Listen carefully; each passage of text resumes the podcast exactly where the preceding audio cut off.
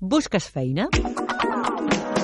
Les últimes ofertes rebudes a la borsa de treball del SOM són les següents. Empresa del sector serveis a les persones necessita tallerista per tal d'impartir un taller per a la gent gran a Mataró. És un espai de socialització del casal, on a través dels records vitals de cada persona es vol treballar la salut cognitiva. El tallerista ha de dinamitzar aquestes converses. Imprescindible haver impartit algun taller similar o tenir experiència treballant amb gent gran. Valorable titulació en l'àmbit social o sanitari. Horari els divendres de 10 a 11.30. Sou 14 euros amb 71 amb contracte de règim general o bé 19 amb 35 euros en format d'autònom. Contracte temporal a temps parcial durant tot el curs escolar. Oferta 24 88 15. Treballador o treballadora familiar per a desenvolupar tasques referides a l'atenció directa de la persona, cures, higiene, mobilitzacions, suport i ajuda en l'alimentació, referides a l'activitat quotidiana, com ara acompanyaments per a fer gestions, revisions mèdiques, prevenció de situacions de deteriorament personal, observació, control i anotació de dades, observar, detectar i prevenir situacions de risc, treballar les relacions socials, familiars i l'autonomia personal, tasques sanitàries a domicili, adaptar l'entorn de la persona per prevenir situacions de risc i accidents, imprescindible curs formatiu de grau mig sociosanitari o cures auxiliars d'infermeria o bé atenció a les persones en situació de dependència, curs formatiu de grau superior en integració social, català i castellà, valorable experiència, horari de dilluns a divendres en torns de matins o tardes segons necessitat del servei. Sou 1.082 euros bruts al mes per 37 hores i per 14 pagues. Contracte de suplència per a les vacances d'estiu amb possibilitat de renovació. Oferta 24 87 90. Infermer, infermera per a Centre Mèdic d'Addiccions a Argentona. Tasques. Administrar medicació. Preparar històries mèdiques. Organitzar l'agenda del metge. Recollida i valoració de test de substàncies. Suport emocional al pacient Imprescindible diplomatura o grau en infermeria. Valorable experiència en centre d'addiccions, català i castellà. Ofimàtica, vehicle propi. Sou 2.000 euros bruts al mes per 12 pagues. Horari de 40 hores a la setmana. Dilluns, dimarts i dissabtes de 9 a 21 i diumenges alterns de 9 a 17. Contracte indefinit. Oferta 24 87 55. Empresa del sector transport Busca conductor, conductora, repartidor i mosso de magatzem. Tasques. Preparar comandes per fer les entregues, col·locar els productes al magatzem i dur el manteniment del mateix. Entregar les mercaderies amb la furgoneta de l'empresa, una furgoneta d'uns 6 metres. Control d'estocs, planificació eficient de les rutes, recepció de mercaderies. Imprescindible experiència mínima de dos anys com a conductor, conductora o repartidor, i es valorarà experiència i formació en gestió de magatzems, català i castellà, ofimàtica bàsica, carnet B, contracte inicial de 3 mesos amb possibilitat de renovar, horari de dimarts a divendres de 8 a 13 hores. Sou 673 euros bruts al mes per 12 pagues. Incorporació immediata. Oferta 24 89 25. Empresa del sector tèxtil busca patronista per realitzar patronatge i escalat de peces de roba exterior de noia i senyora. Es valorarà també poder fer la confecció de la mostra de la peça amb màquina de cosir, de repunt i vores. Imprescindible, un any d'experiència com a patronista i fent patronatge per ordinador. Valorable, saber fer la confecció de la mostra amb les màquines de cosir. Jornada intensiva de 8 a 16.30, de dilluns a divendres, amb mitja hora per dinar. Contracte indefinit. Sou 1.000 euros bruts al mes per 14 pagues. Català, castellà, oferta 24 90 43. I recorda que si busques feina cal que facis una entrevista personal amb nosaltres i si tu, empresa, necessites personal, fes-nos arribar la teva oferta. Per contactar amb nosaltres a través de la web de l'Ajuntament de Mataró, les 24 hores del dia i els 365 dies de l'any a www.mataró.cat a través del telèfon 937 58 21 31 de 8.30 fins a les 3 de la tarda de dilluns a divendres personalment de 8.30 fins a les 3 de dilluns a divendres al carrer Francisco Herrera 70 de Mataró. En el cas de que siguis menor de 25 anys, cal que t'adrecis a Ocupació Jove, Nau Cabot i Barba, plaça Miquel Viada 5, en horari de 9 a 2 del migdia, de dilluns a divendres.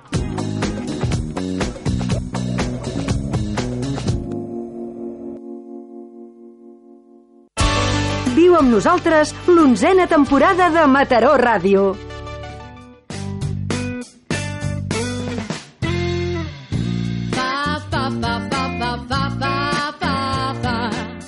Si t'agraden les nits d'emocions, pren nota d'aquest telèfon 937 537 184 i em diràs, i per què?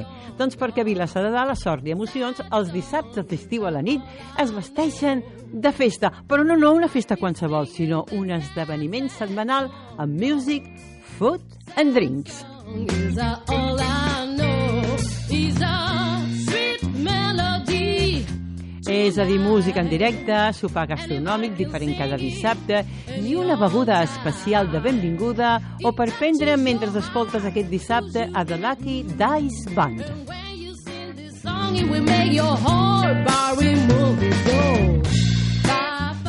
Uns músics que són capaços de fer ballar i divertir-se a tothom i mentre ens invaeix el ritme podem prendre una deliciosa i refrescant caipirinha. Què? Us ve de gust? Ballem una miqueta ja?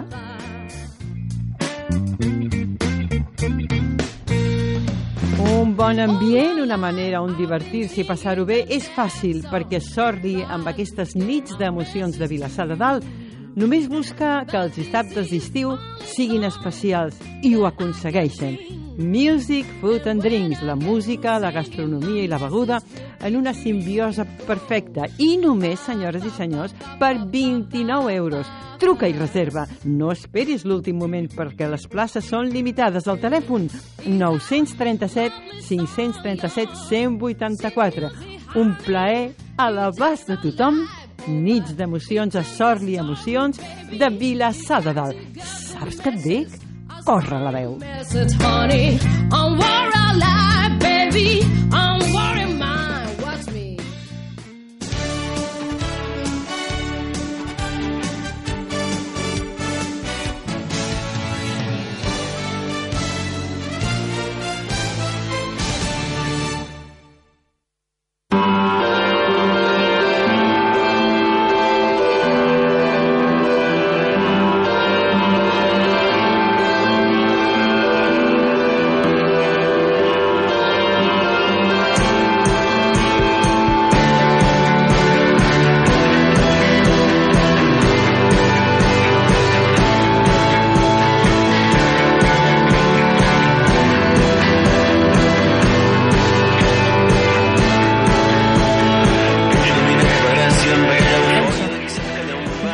Nosaltres, senyores i senyors, continuem el programa, però volem saludar amb aquells nens i nenes que ens estan mirant aquí, a darrere del vidre. Hola, guapíssims! Espero que us agradi molt la televisió i la ràdio, i quan sigueu grans, doncs ja sabeu, la ràdio i la televisió són importantíssims, així és que, que ho passeu molt bé.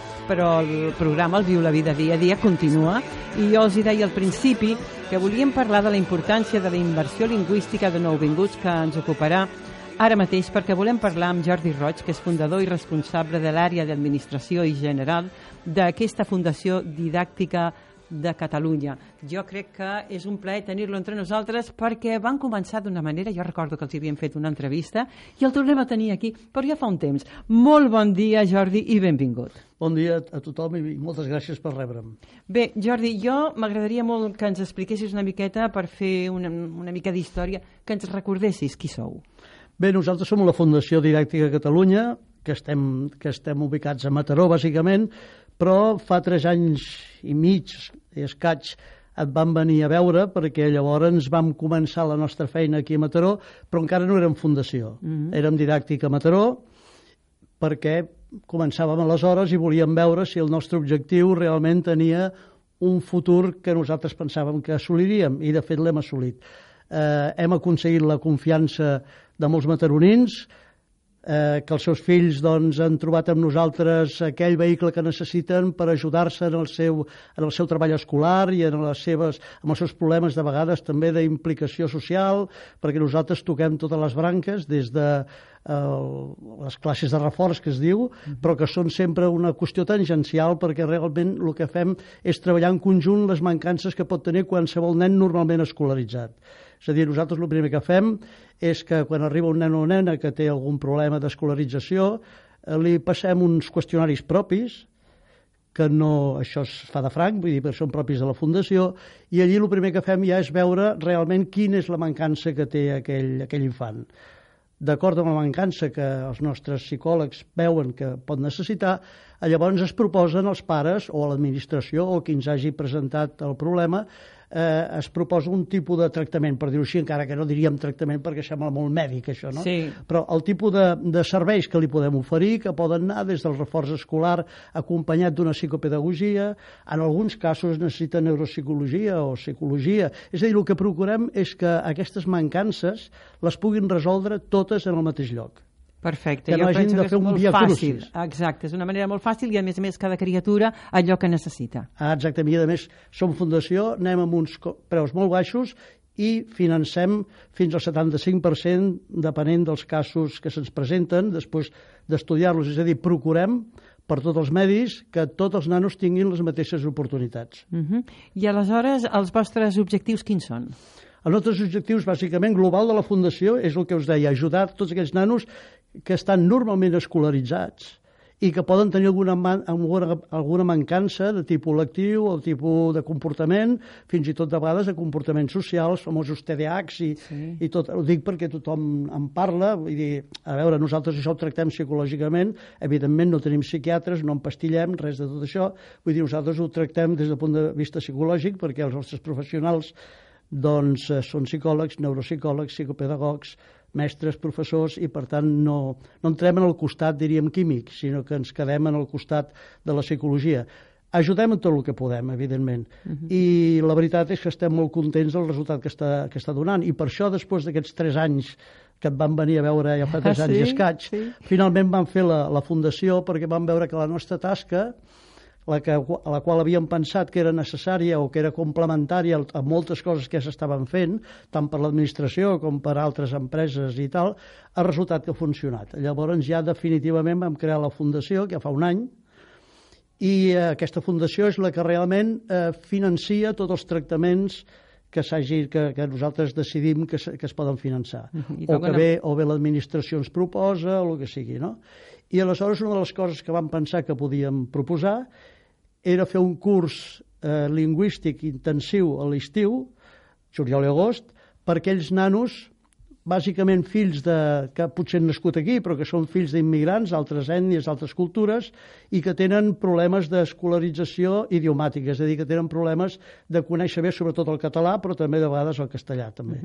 I que les escoles estan fent una feina ingent sobre aquest tema, però que de vegades potser la societat no els ajudem massa, no? Uh -huh. I aleshores, eh, probablement, aquí a Mataró és una ciutat multicultural. Perquè molt tenir- multicultural. Ens vam quedar sorpresos de veure la quantitat d'idiomes que es parlen aquí a Mataró, els idiomes familiars, i la quantitat d'ètnies que hi ha aquí a Mataró. Mat- Mataró ha estat una ciutat generosa fins a un extrem màxim, ha acollit quantitat d'ètnies, i vull dir, és, és com una mare d'aquelles que mamanten a totes les criatures que troben. Mataró és, és un exemple, jo penso que Mataró és un exemple per Catalunya, és un exemple de plurinacionalitat, de- d'acollida, diríem, sense cap tipus de prevenció. convivència. De convivència. Uh -huh. Però, clar, ens hem d'ajudar nosaltres mateixos, també. No podem esperar que l'administració arribi a tot arreu, perquè de vegades és difícil, eh? Aleshores, el desconeixement creus que de les llengües oficials dificulta els aprenentatges escolars? Això ens diuen a les escoles, que ells lluiten i ho aconsegueixen, perquè realment qui està fent la, la feina més important són les escoles, perquè els hi arriben nens a P3 que no parlen un borrall ni de català ni de castellà, que perquè parlen els seus idiomes materns, que són, si no recordo malament, són com 28 llengües diferents que es parlen a Mataró o una cosa d'aquestes, de 102 ètnies o al revés, no me'n recordo massa bé, però és una cosa tremenda, eh? és una cosa tremenda. Els hi arriben parlant mm, i, i provenint d'altres cultures, que això vol dir no solament la llengua, sinó els costums diaris, la manera de relacionar-se amb els demés, la manera de relacionar-se amb els mestres. Eh, I tot això, ells són els que ho, ho reben i ho van transformant en ciutadans catalans sí, sí, capaços de, de ser el més efectius possibles, el més competents possibles dins de la nostra cultura. I això no és fàcil, perquè nosaltres tenim dos idiomes, perquè nosaltres tenim unes cultures determinades, estem visquent uns moments determinats, i tot això ho fan les escoles perquè jo us haig de dir una cosa, una de les coses que jo ja tinc una edat i una de les coses que m'hi donat és que la gent no ajudem massa en aquests casos, eh? perquè quan veiem una persona d'una ètnia diferent, immediatament els hi parlem en castellà. No sé sí, si això ja també amb el Centre de Normalització Lingüística d'aquí del Maresme ho hem parlat i m'ho hem comentat alguna vegada, que eh, no els hi fem cap favor. No, al no els hi fem cap favor. Perquè a més ja. em sembla tonto, perquè hem de pensar, per exemple, que un xinès la seva segona llengua és el castellà, no, per pues per què els hi parlem en castellà? Clar. Per ells, és, aleshores, amb això l'únic que fem és quasi obligar-los a socialitzar-se en castellà només. Uh mhm. -huh. Que sí, que sí, que tens, tenim tota la raó i amb això moltes vegades les persones creiem que si ho diem en castellà ens entendran millor. L'esforç que fem de que ens entenguin en castellà, fem-lo parlant català. Que és la manera de que aquesta persona vagi escoltant i sentint doncs, les paraules amb les quals s'haurà d'expressar, no? S'haurà d'expressar perquè està a Catalunya, però és que a més el castellà l'aprendrà sí o sí. Clar. Perquè no oblidem que és una llengua molt consolidada i de, té molts parlants i que en aquests moments és una llengua d'ús general que no crec que sigui aliena a ningú. A ningú, i, I li serà no. molt més fàcil d'aprendre el castellà pel seu compte, per dir-ho així, encara que també l'aprengui a l'escola, evidentment, sí. però el que està més necessitat d'ajuda és el català, uh mhm. -huh. perquè és un idioma minoritari que només el parlem a Catalunya. Exacte. I aleshores, Jordi, on s'impartiran aquests cursos? Es fan, ja s'estan impartint. Ja s'estan fent. Sí, vam començar el dia 3 de juliol i es fan en el nostre centre aquí a Mataró, que és Didàctica Mataró, que estem al camí RAL 200. I que, a quin horari es fa? Es fan a les tardes, fem 72 nens, són els que, els que formen part, de, part d'aquest projecte, i venen cada tarda, de dilluns a dijous, amb tres torns de 24, es van tornant des de les 3 de la tarda fins a les 7. Mm -hmm. Llavors, cada torn de 24 està una hora i mitja amb nosaltres, d'aquesta hora i mitja, una hora estan amb mestres que els... perquè eh, tenim, nosaltres tenim un equip de psicòlegs i, i psicopedagogues. Bàsicament, eh, haig, haig d'anomenar perquè hem fet una feina impressionant la Verònica Muñoz i la de Sire Porcel, uh mhm. -huh. que, bueno, en conjunt amb la Raquel Torres, que és la directora, han fet realment un, una, una feina importantíssima creant tota la base documental i tota la base d'exercicis que han de fer els nens, tenir-ho tot preparat perquè tots aquests nanos treballin dia darrere dia el que han de treballar per anar avançant en la immersió lingüística. No?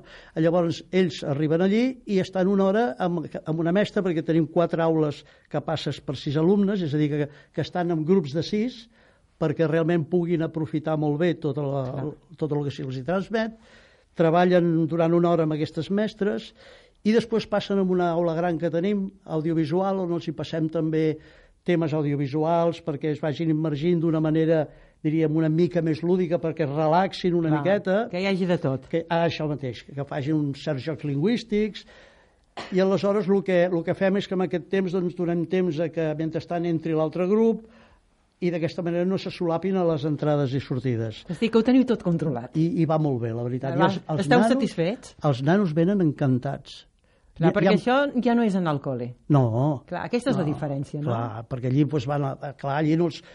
A veure, d'entrada ja saben que ningú els qualificarà, sí. encara que primària, perquè són nanos de primària. Sí. Tampoc es tracta d'això, però vull dir que, clar, arriben allí, s'estan una hora, després juguen més o menys, o fan treballs aquests que us deia, més, més informals durant mitja hora i després se'n tornen a casa. Clar, no, no té res a veure amb el col·legi, no? No, i tant que no. Aleshores, bueno, es troben amb nens d'altres col·legis que no els coneixien, perquè bàsicament treballem amb alumnes de dos col·legis que, amb els quals ens vam posar d'acord i que han fet una feinada impressionant que és eh, Germanes Bartomeu i Camí del Mig. Uh -huh. eh, vull dir que eh, han, han estat vaja, uns grans professionals i ells van ser els que van proposar en els, en els pares dels nens que ells creien que, que necessitaven o que els aniria bé aquest tipus d'ajut, sobretot perquè a l'estiu no perdessin el que havien guanyat durant l'any, perquè clar, ells treballen tot l'any a base de, de, de bé perquè els nanos es posin al dia. Però és clar, el que més els horroritza és pensar que durant els dos o tres mesos d'estiu de, aquests nens tornaran a passar tot el dia a parlar en l'idioma familiar i tot això i el que, i el que hagin guanyat durant tot l'any pràcticament ho perdran. Clar. Clar, llavors amb ells el, el nostre, la nostra proposta, i més que ho fem de franc, evidentment, la nostra proposta els hi va entusiasmar i cada un d'ells ens va, ens va enviar 36 nens. No, ells no ens els van enviar, van parlar amb les famílies i les famílies que van dir que volien fer-ho es van posar en contacte amb nosaltres i van, van signar un compromís d'assistència. Uh -huh que és l'únic que nosaltres volem, que els nanos assisteixin, perquè si no hi ha una assistència continuada, després serà molt difícil d'avaluar el resultat que han obtingut. Clar. Nosaltres, abans d'entrar, els vam fer un, a cada un d'ells els vam fer una prova lingüística per veure el nivell que tenien. Gràcies a això els vam poder posar en diferents nivells, des de l'1 al 4 i per tant treballen amb nivells també, amb, amb nivells i per edat. Van procurar que els més petits donessin amb els més grans. que tot està molt cuidat. Sí, hem eh? estat treballant, preparant això, han estat treballant 3 o 4 mesos, eh? vull dir que no és una cosa senzilla.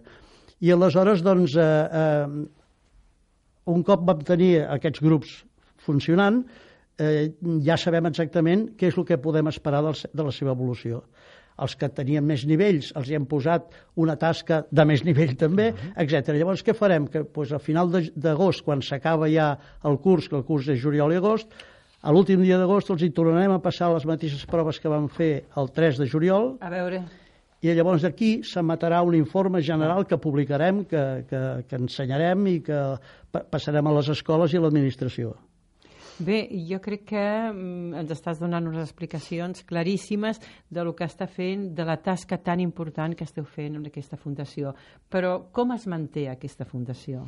Doncs nosaltres ens mantenim amb donacions, amb donacions de particulars.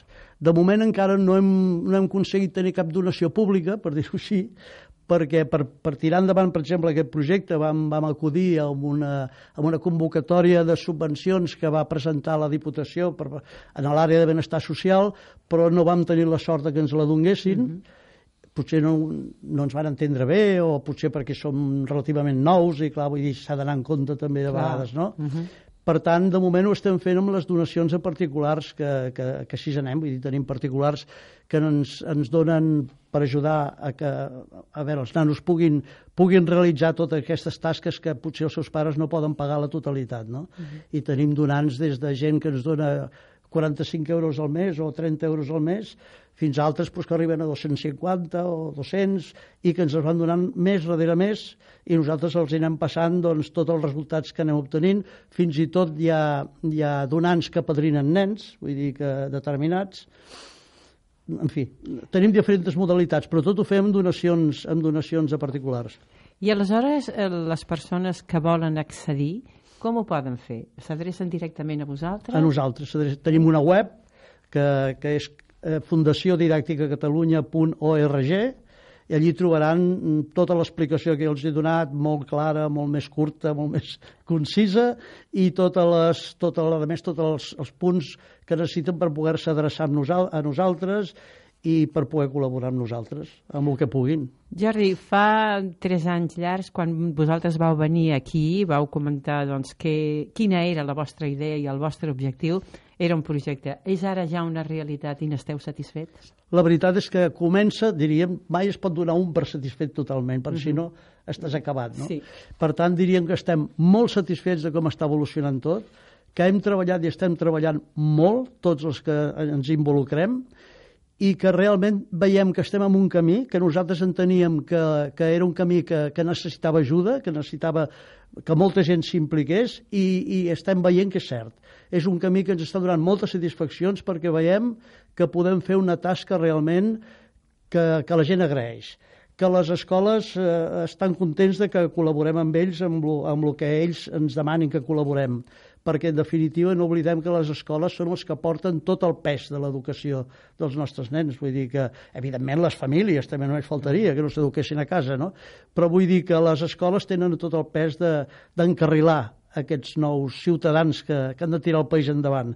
I, per tant, nosaltres estem a la seva disposició total, absolutament a la seva disposició. És un bé per a tothom i sobretot també per a les criatures que d'alguna manera s'integren més ràpidament, poden tenir eh, en conseqüència uns millors, unes millors notes, poden anar endavant amb més facilitat, és a dir, que és una tasca importantíssima del vell principi, de l'inici, no? per començar una nova vida, en definitiva. Exactament, sobretot els que, els que venen d'altres cultures i que han hagut de fer l'esforç d'un canvi tan, tan dràstic que ningú li agrada haver de marxar de la seva terra, de la seva cultura, de la seva gent.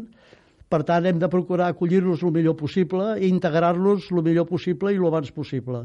Doncs eh, vull agrair-te moltíssim, Jordi Roig, gerent de la Fundació Didàctica de Catalunya, aquesta estoneta que has vingut a compartir amb nosaltres, a parlar-nos de la tasca feta durant aquests tres anys i d'aquests cursos d'estiu per aquesta immersió lingüística per a tots aquests nouvinguts que, puguin, que ens puguem entendre millor. Exactament. Que la vida ens fa falta, això. I que se sentin a casa seva. I que es trobin. Que s'involucrin amb nosaltres. Exacte. Perquè al fi i al cap Catalunya som el, el, el producte de, de, del pas de moltíssimes ètnies i de moltíssimes civilitzacions. Aquí no hi ha races. D'acord. Aquí doncs. som un país tots, tots iguals. Moltíssimes gràcies, t'agraeixo molt aquesta Igualment. estoneta que has estat amb nosaltres i endavant amb aquesta tasca tan important. Moltes gràcies. Bon dia. Bon dia.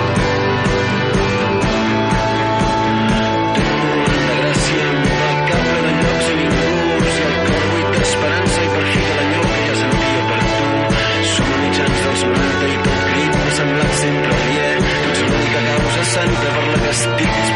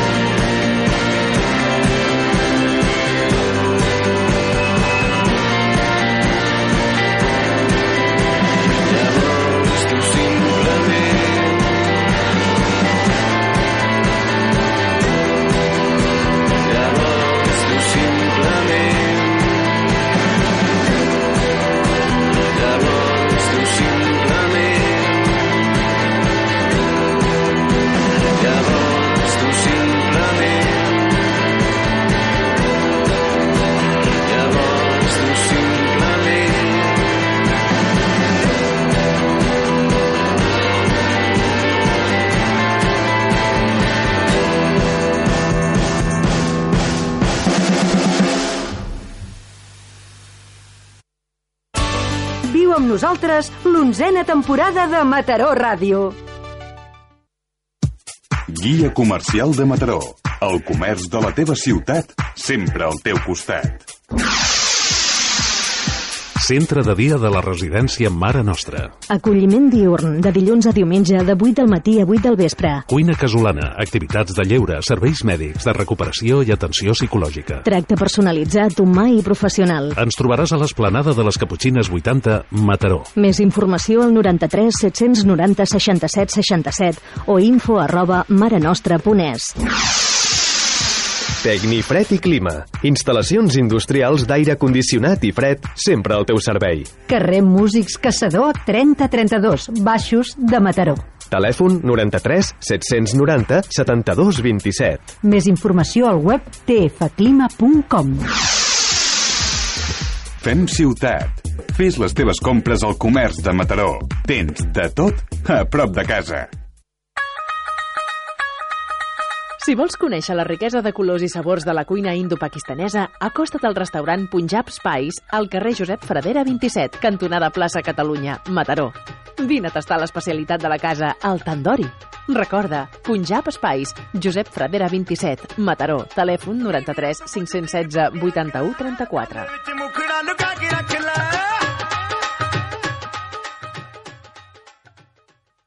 Descobreix les rebaixes al centre comercial Mataró Park i compra grans ofertes en roba, moda i complements de marques exclusives a uns preus increïbles. I si anem de rebaixes a Mataró Park? Amb la millor oferta en oci i restauració per passar un dia ideal de rebaixes fent el que més t'agrada. Les rebaixes sempre al centre comercial Mataró Park. A l'autopista C32 sortida a Mataró Oest. Per estar sempre a l'última sense haver de preocupar-te de la teva butxaca.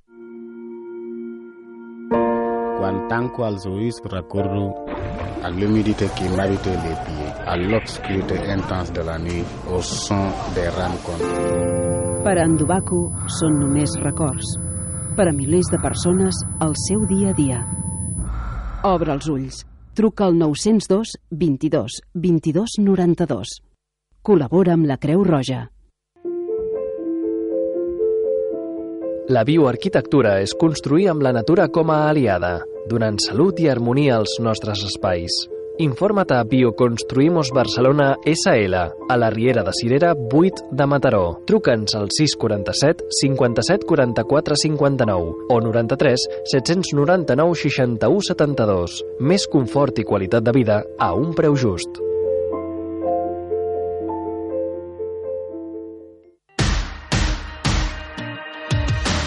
Un món de diversió i esports t'espera aquest estiu al Balís Camp. Gaudeix d'un munt d'activitats nàutiques, esports d'aventura, cursos i tallers per a petits i joves de 3 a 17 anys. Si vols que el teu fill visqui un estiu per a recordar, el Balís Camp és la millor opció. Informa't al telèfon 93 192 9900 o visita el nostre web esports.cnalbalís.com.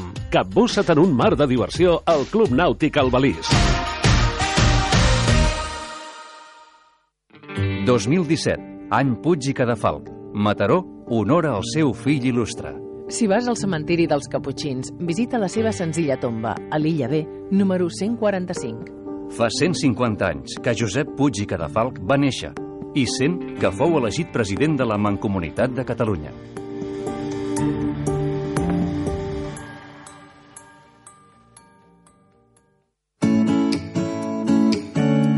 Art Divano, la nostra experiència de més de 20 anys en disseny, fabricació i distribució de sofàs d'alta qualitat ens avala. Vine a la nostra botiga del Camí de la Geganta 81 de Mataró i deixa't assessorar i aconsellar pel nostre equip humà. Aprofita les nostres rebaixes. Tenim un sofà que s'adapta al teu gust i a les teves necessitats. Art Divano, el teu sofà al Camí de la Geganta 81 de Mataró.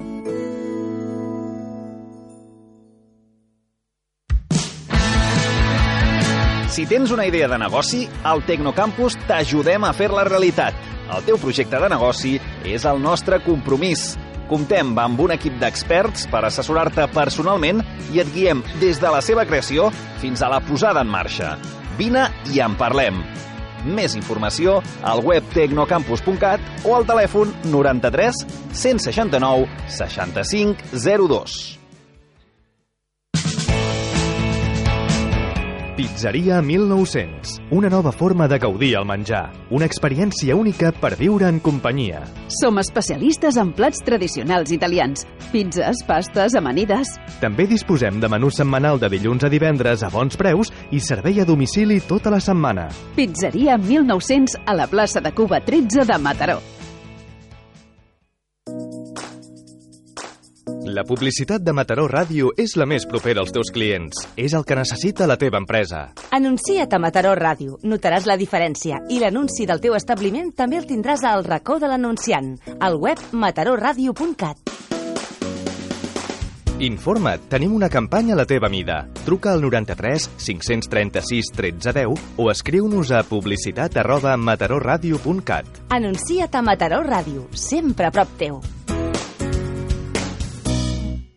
Aquest diumenge viu les Santes Esportives a Carnet Esportiu FM. A partir de dos quarts d'onze del matí segueix en directe una de les proves clàssiques d'aquestes dates, la travessa nedant al port, que enguany arriba a la seva 26a edició. No t'ho perdis. Aquest diumenge viu la travessa nedant al port a Mataró Ràdio.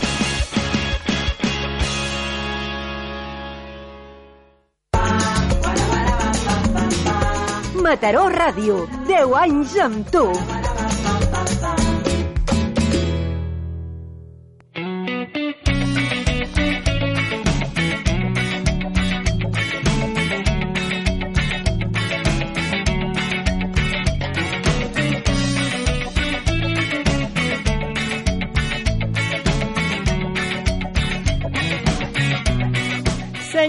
Senyors, amigues i amics, tothom, demà divendres, la Raïf, cap de cartell de les Santes, i des del Viu la Vida dia a dia, volem convidar-te. El grup de Gandia presentarà el seu disc Entre poetes i presos al Parc de Mataró.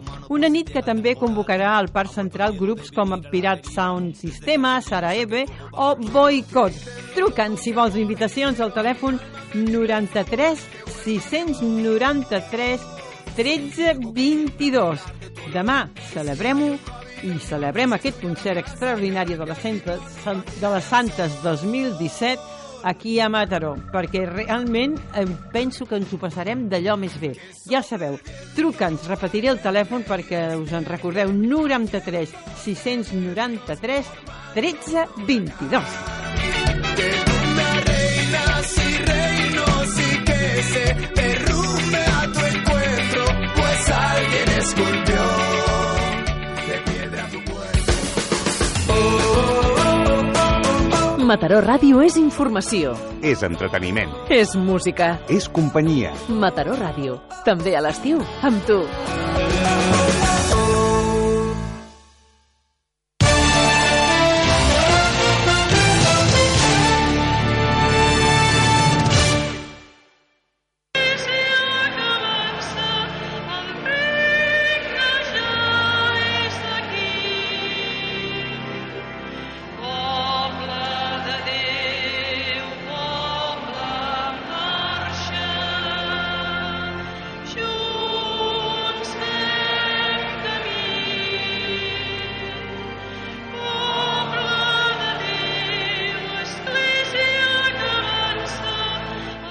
Senyores i senyors, el 23 de març d'enguany moria als 80 anys la mezzo-soprano mataronina Pilar Dan, que va ser durant més de 30 anys una de les veus solistes de la Missa de les Santes de mossèn Blanc.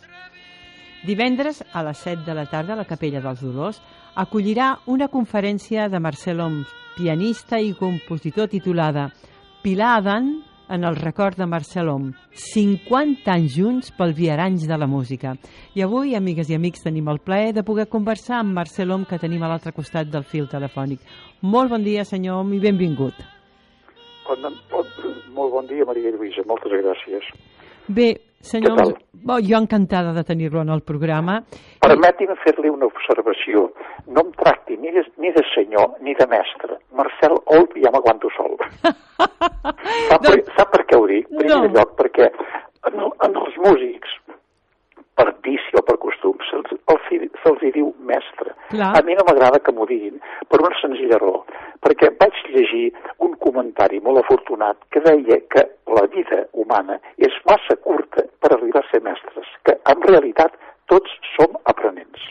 Aleshores, eh, que, I de, i de senyor perquè no s'escau. aleshores O sigui, Marcel Olm a seques, que ja m'aguanto. Doncs, Marcel dirà. Vaig per vostè. Vaig per tu, Marcel Om. Perfecte, digue'm, digue'm, Maria Lluïsa. Compartint l'escenari mm, de música amb la Pilar Dan, quants anys? Com era aquesta dona? 50 anys. 50 anys junts. Tinc programes que ho acrediten. Pilar Adan, com ja vaig, eh, bueno, ja he manifestat moltes vegades, com a persona, era una persona extraordinària. Eh, ella, com diré d'ella? Pues, en primer lloc, tenia una gran qualitat humana, un tracte molt exquisit i educat, un, com per dir-ho, equilibri emocional que sempre es posava de manifest en tot moment i en qualsevol circumstància.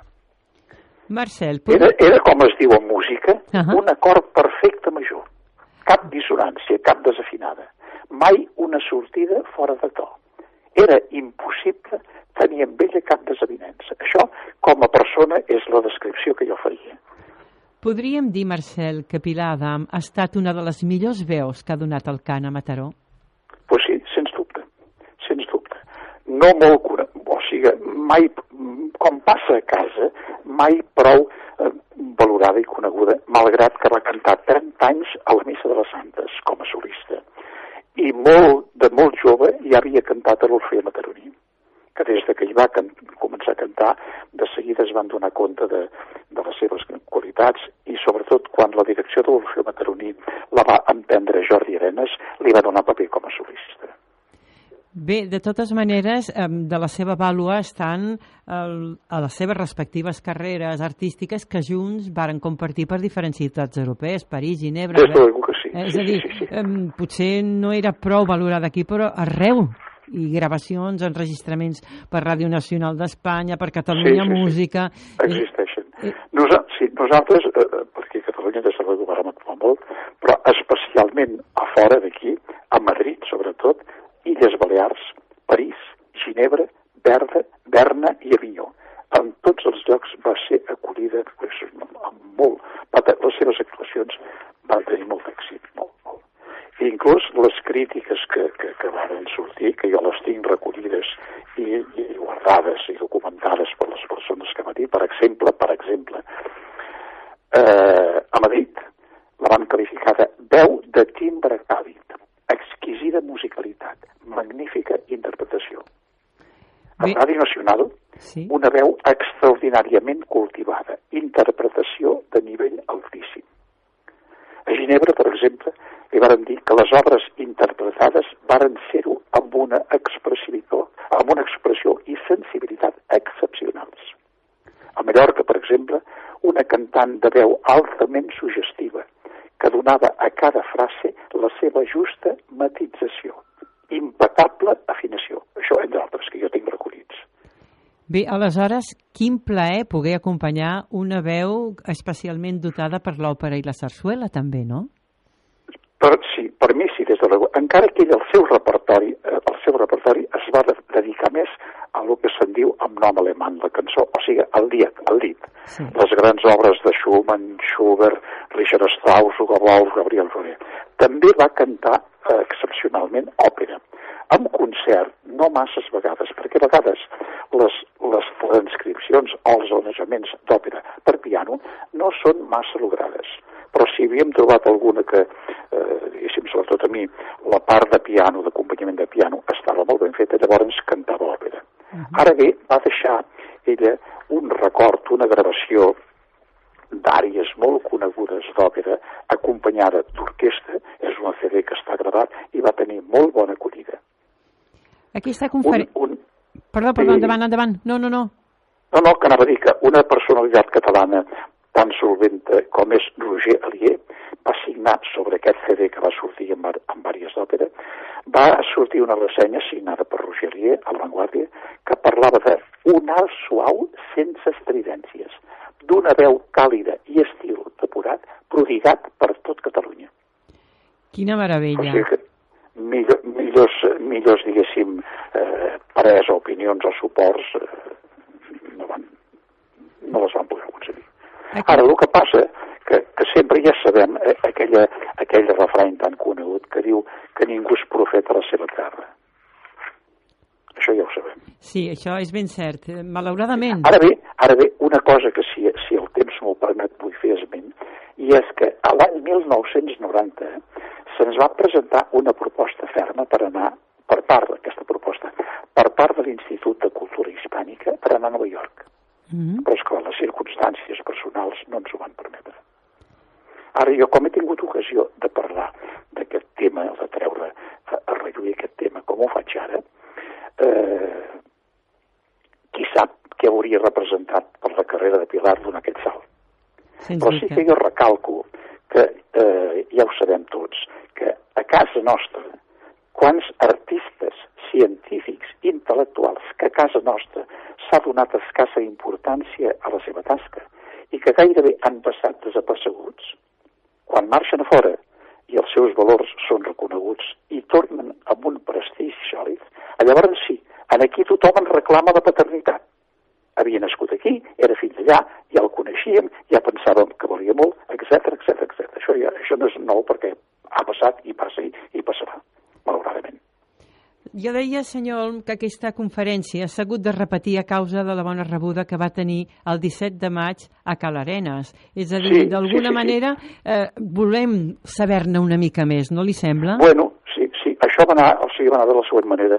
Després del, del, de la mort de Pilar Gran el mes de març, ja el, el 17 de maig, l'associació Amics de Caladenes va voler posar en peu aquest homenatge de record a la seva memòria i, naturalment, em va convidar a mi a ser-ne el protagonista perquè sóc la persona que té més acumulada, diguéssim, història de la seva trajectòria. Va ser un èxit, va anar molt bé, tant és així que, que, que es va omplir eh, amb accés a l'aforament de la sala i van quedar moltes persones que no va ser possible donar-los entrada. Llavors, l'associació de Caladenes ho va plantejar eh, en el Departament de Cultura de l'Ajuntament, que per cert hi ha donat un bon suport extraordinari. Ells en varen parlar amb el senyor rector de Santa Maria, mossèn Gimón, que també va acollir molt bé la idea, i sobretot també amb l'equip del Museu Arxiu de Santa Maria, que s'hi ha implicat molt, i sobretot amb el seu president, en Nicolau Guanyavents, que ens va facilitat i ens, ens, ha, ens ha posat doncs, molt clar, per dir-ho així. Eh? I llavors això que es tracta ja ha estat programat per demà a les 7 de la tarda amb un marc tan bonic com és la Capella dels Dolors. Jo crec que és un marc idoni perquè la... Jo, per mi, personalment, per mi, em satisfà enormement parlar des d'aquell lloc doncs, tan, tan mataroní que, que, que, que, en fi, que, que, que a més, eh, han fet una reparació, ai, una, una restauració extraordinària. Extraordinària, I la capella sí. llueix, però de meravella. I a més a més... I jo després també i després també conto amb la, una col·laboració molt especial, que és l'amic Ramon Blanc, que aquest, aquest senyor es cuidarà de la reproducció de gravacions de la Pilar que passarem enmig del meu Parlament. Jo crec que tot està a punt i que no podria ser un lloc més perfecte on la Pilar Adan va cantar durant 30 anys la Missa de les Santes. Missa de les Santes, sí, sí. sí jo crec que està tot molt ben ensamblat, molt arrodonit i espero que la Capella dels Dolors segur que se quedarà petita per poder sentir i escoltar la veu i totes les vivències que vostè ens podrà explicar. Moltíssimes Però- gràcies. De què. Gràcies a vosaltres per la vostra atenció i per la vostra difusió d'un acte per tots tan entranyable. Moltes gràcies, Matei Lluïsa. Ha estat un plaer. Bon dia. El plaer, gràcies, el plaer també és meu. Gràcies, adiós, bon dia. Siguis on siguis. on siguis. Vagis on vagis. Vagis on Tenim vagis. boicot ara? Escolta Mataró Ràdio. mataròradio.cat No perdis el contacte amb la teva ciutat. mataròradio.cat Mataró Ràdio. Cada dia, més a prop teu. Si vols estar al dia de tota l'actualitat musical de l'escena independent i alternativa, apreta el play de El Radiocasete, cada dijous a partir de les 10 del vespre fins a la mitjanit. Un programa presentat i dirigit per Ilra Musicain i Pedro Vicente del Roble. Mataró Ràdio, 10 anys amb tu.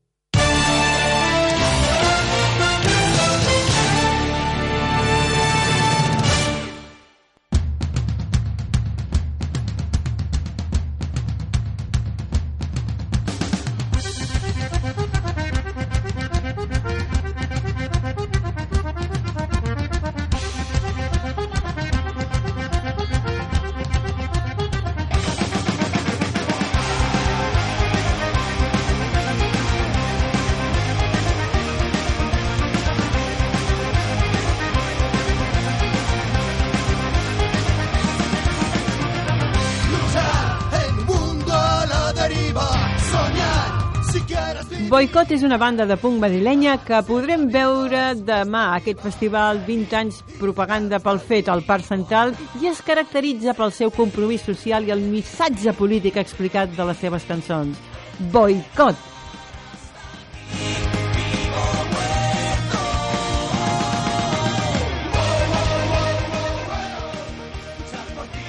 Muy buenos días, Alberto. Bienvenido.